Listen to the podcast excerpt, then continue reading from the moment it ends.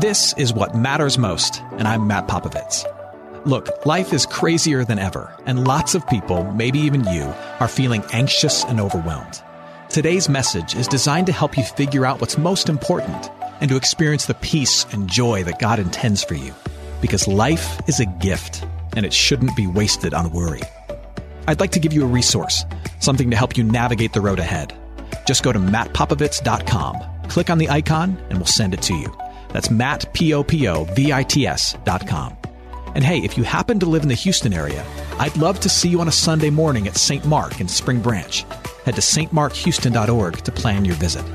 Here's today's message. Thanks for listening.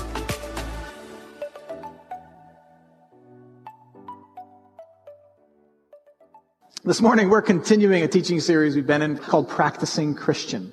We're looking at six habits and attitudes that are essential to a life of, of not just being a follower of Jesus, but in your life of following Jesus, continuing to grow each day, each month, each year in what it means to be a person who belongs to and is touched by the mercy and grace of Jesus.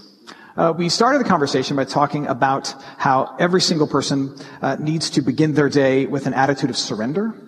Then we talked about prayer. We talked about the priority that we need to place on God's word. And then today we're going to talk about community. But before we dive in, I want to remind you that we want you to stay engaged in this conversation. We want you to be writing notes. We want the things we talk about to live on beyond the four walls of this place on Sunday morning. And so we've even provided you with a notebook. And if you forgot your notebook or you lost your notebook or never got one, we have more here. We'll have more next week. Use that, use something to stay engaged in this conversation. All right? So today, we're talking relationships. And, and there's one word that, that Christian churches and Christian people like to use when talking about relationships, and that word is community.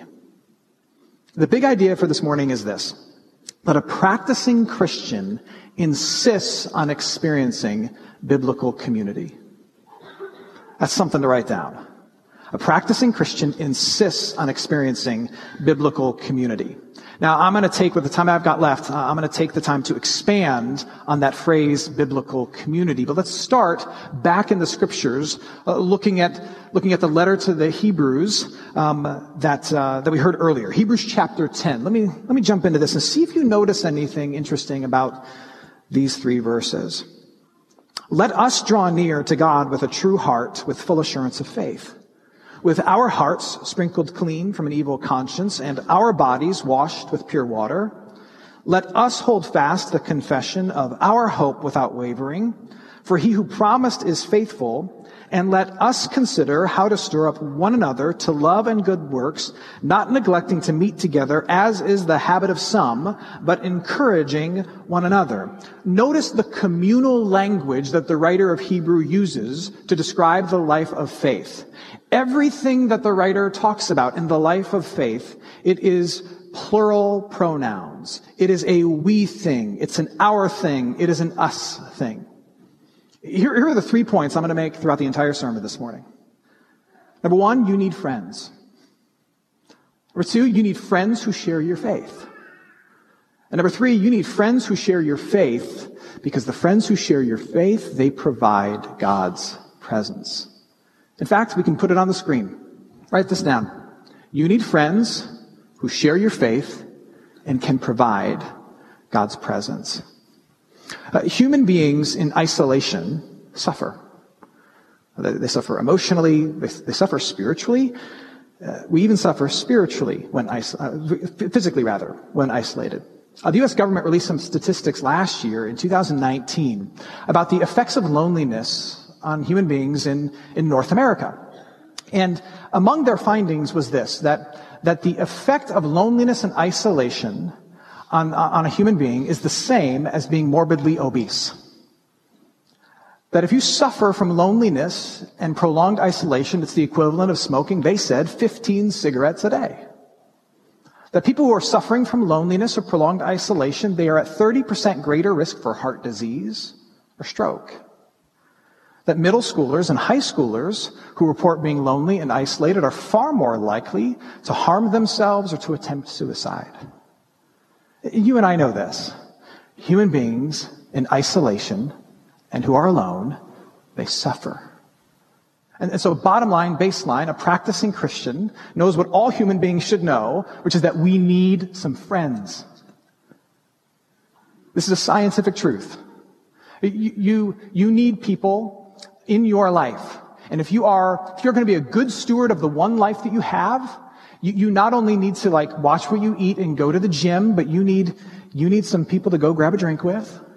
You need some girls to go shopping with. You need somebody to watch the game with. And if your spouse pushes back or asks why, just say, look, I'm investing in my well-being. Hashtag science, Pastor Matt said so. But it's not just a scientific truth, it's also a theological truth. Because if you've, you've been around Christianity for any time, if you've read the scriptures, what, what you may already know is that, like in the first five minutes of creation, in the book of Genesis, we see that, that God makes mankind. God makes the first man, Adam, and immediately, before the world's fallen into sin, before there's any trouble on the horizon at all, God makes man and he starts to search for a companion for man. And he looks at mankind and he says, it is not good for man to be alone. God looks at Adam and he says what we say to small children and puppies. If I leave you by yourself, it's gonna get bad. We need friends in our life. But, but science and theology, they go further and they tell us not just that we are wired and in need of friendship, but there's like a particular kind of friendship that we need. We need people in our life with whom there is some transparency and there is some openness and there is some trust. That's what we need in our life.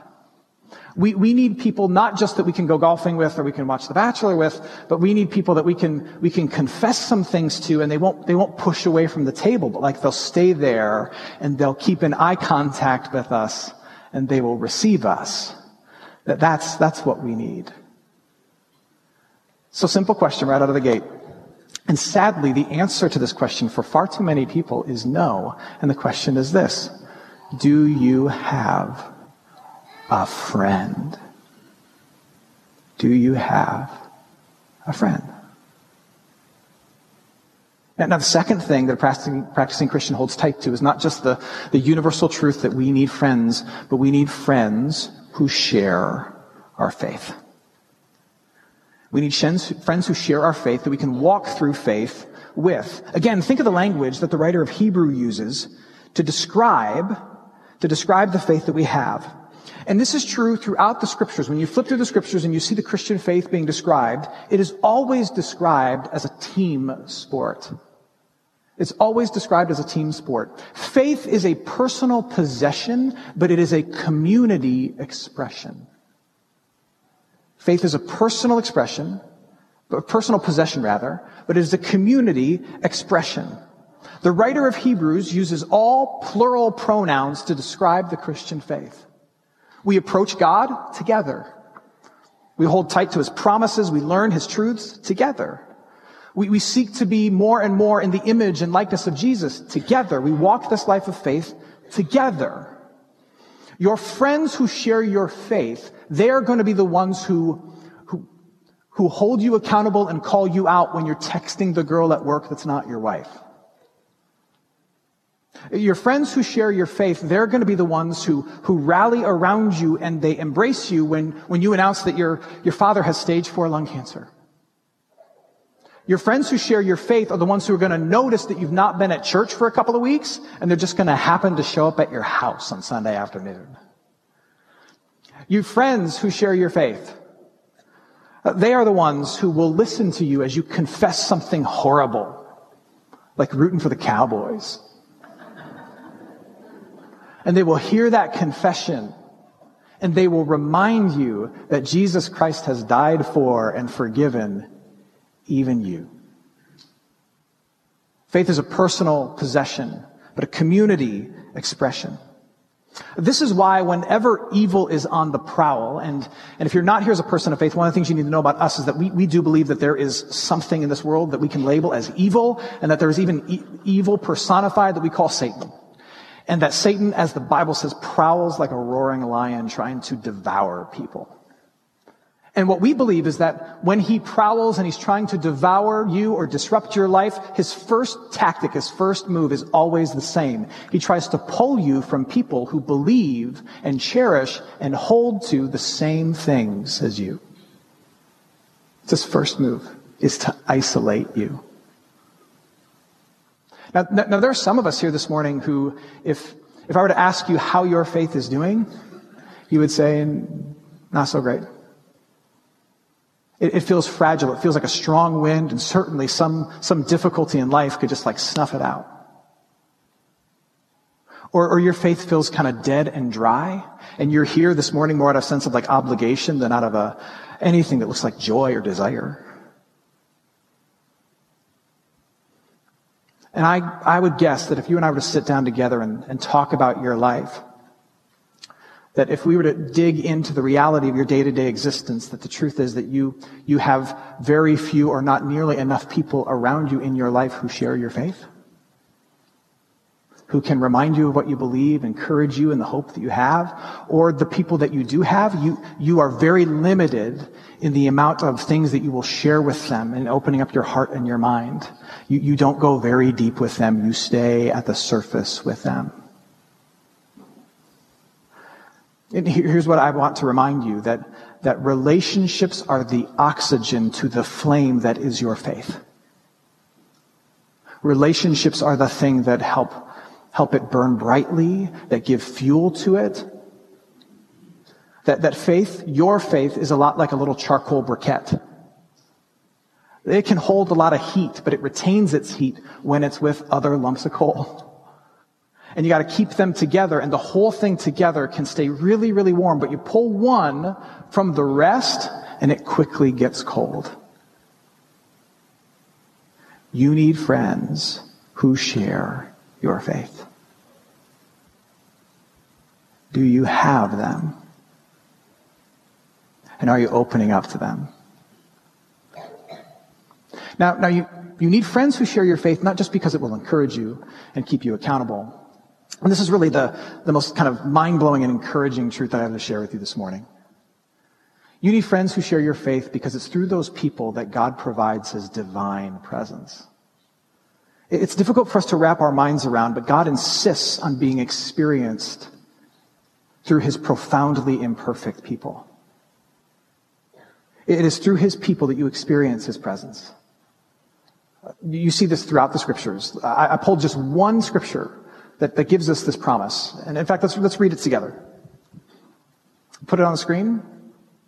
Read this together. 1 Corinthians chapter 12. You, church, are the body of Christ and individually members of it. The people of God are a primary place in which you will encounter God.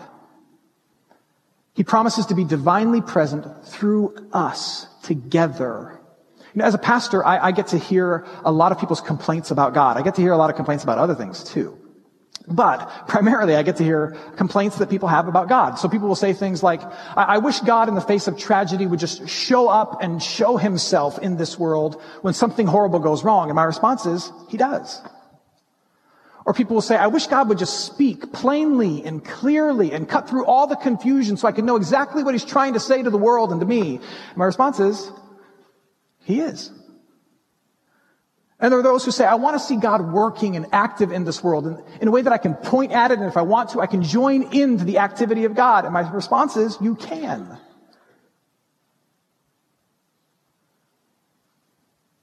Maybe you didn't know this, but, but when a friend who shares your faith reminds you in the face of something terrible that you are loved, or, or when a preacher speaking in alignment with God's word, he, he proclaims to you that you are forgiven. Do you know who it is that's speaking to you? It's Jesus. When, when your world falls apart and, and the church comes around you and they wrap their arms around you, like they, they, they hug you and they help you, do you know who is helping you? It is Jesus. When you're desperate for direction or insight and you reach out to your friends who share your faith and they start bombarding you with text messages and insight and advice and emojis, do, you know who is reaching out to you? It is Jesus who is giving you direction and emojis. It's Jesus. That's what we believe. He is there for you through his people, giving you his presence. If you disconnect yourself from the people of God, you pull yourself from the presence of God. That's how he works. I know it's weird that he would work through such profoundly imperfect people, but he insists on it. He's always wrapped himself in weakness. You cannot claim that you want a relationship with Jesus, but nothing to do with his bride, the church. He won't allow for it. He insists on being found and experienced among us. I hope you're enjoying today's message. For more of what matters most, you can head to mattpopovits.com. There you'll find other messages. You can support this ministry as well as access your free gift. Oh, and if you're looking for a local church and you live in Houston, come and see what's happening at St. Mark Houston. To plan your visit, head to stmarkhouston.org. Thanks for listening, and back to today's message. So, so if you're serious about practicing biblical community, it means you need a handful of things in your life.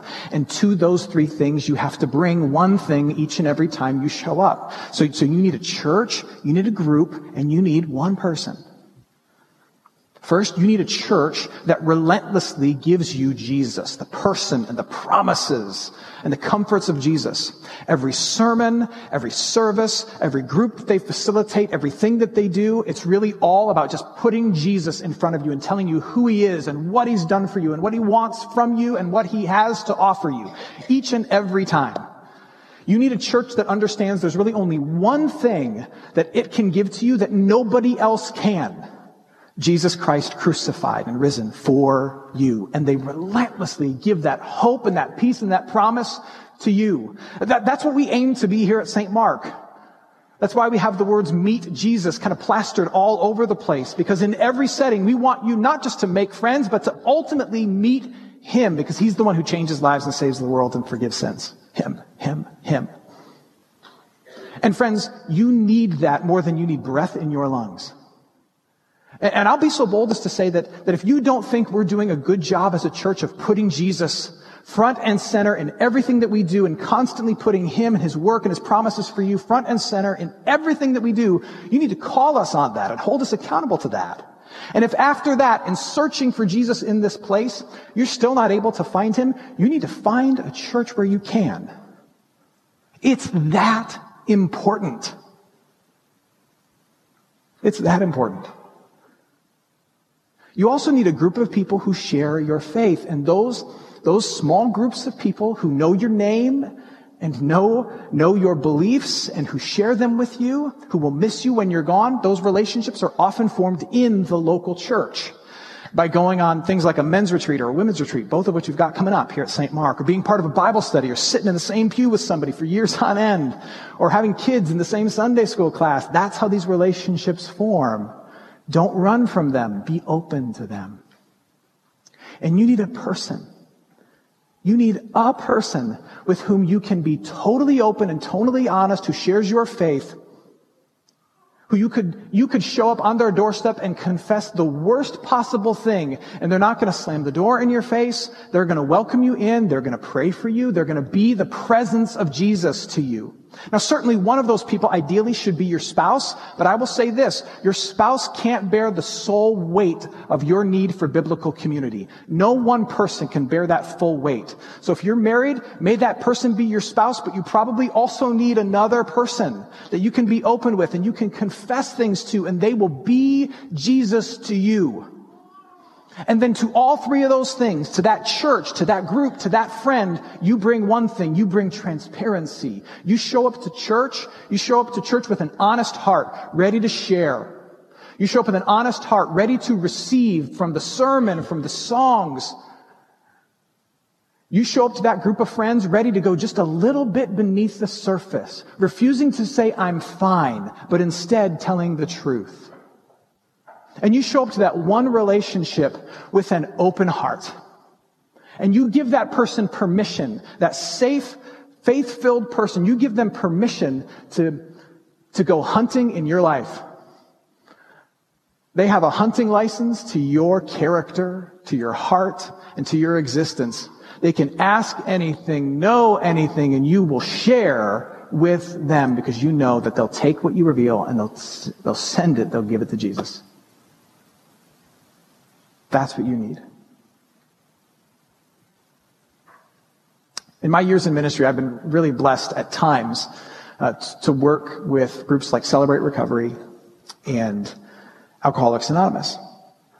And I respect those, those groups so much, primarily because they understand the power of community probably better than anybody else. They understand the essential nature of community in transforming someone's life and, and freeing them from, from, from addiction and chemical dependence and other things.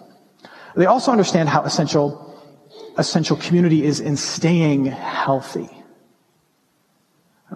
An acronym that's very common in those circles is the acronym HALT, H-A-L-T. You may be familiar with this. It, it, it's used to describe the moments when human beings are most vulnerable and most prone to self-destruction. It stands for when you're hungry, angry, lonely, or tired. When you're hungry, angry, lonely, or tired, watch out. Because you might just do something dumb. And depending on who you ask, many of them will say that loneliness is the most dangerous of them. And you don't have to be an addict to know that this is true. What do you do when you're really lonely? Like, like if I've been traveling for a while, I've been away from my family, like if I'm feeling lonely, don't let me near Amazon.com. I will prime all of my problems away. When you've been disconnected from community, like people who know you and love you and share the same beliefs as you, what do you do? Now, here's the good news for you. You may feel very alone, and I know some of us are struggling with loneliness and isolation. You have a very good friend in Jesus.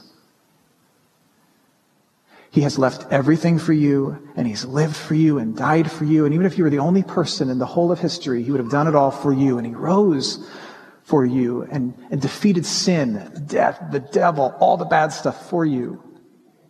And now he promises that you're forgiven and you are a member of the Father's family and that anytime, listen to me on this, anytime you reach out to him, he, he will not break eye contact with you. He won't like leave you on red and ghost you. He, he won't, he won't come up with some excuse as to why he can't forgive you or listen to your prayer. He will always, always be there for you. And here's my, here's my, my pleading for you is to lean into that friendship. Lean into the friendship of Jesus Christ that is yours. Here's how. Lean into the people of Jesus that are all around you. Profoundly imperfect though they be. Because if you lean into those relationships and those possibilities with transparency and openness, you'll find some friends. You'll find some friends who share your faith you will find the very presence of God. Hey, it's Matt. I hope you enjoyed what matters most. Here's what I need you to know life is a gift, and it shouldn't be wasted on worry. I want to help you figure out what's most important and to experience the peace and joy that God intends for you. So, for more content, you can head to mattpopovits.com. That's Matt, P O P O V I T S.com. There you can also support this ministry as well as access your free resource, a little something to help you navigate the road ahead. I'd also love to see you on a Sunday morning. If you're in the Houston area, head to stmarkhouston.org to plan your visit. In the meantime, hit me up on Instagram at mpopovits or at facebook.com slash Matt Popovits Ministries. Thanks for listening. Now go and hold tight to what matters most. Jesus said, If you continue in my word, you shall know the truth, and the truth shall set you free. Hi, this is Pastor Dave Schultz, and I want to invite you to Engaging Truth on 100.7 FM. In every program, we take up a relevant current issue facing Christians and discuss the issue from a biblical perspective. Join us Sunday night again at 7 p.m. for Engaging Truth right here on 100.7 The Word KKHT and KKHT.com.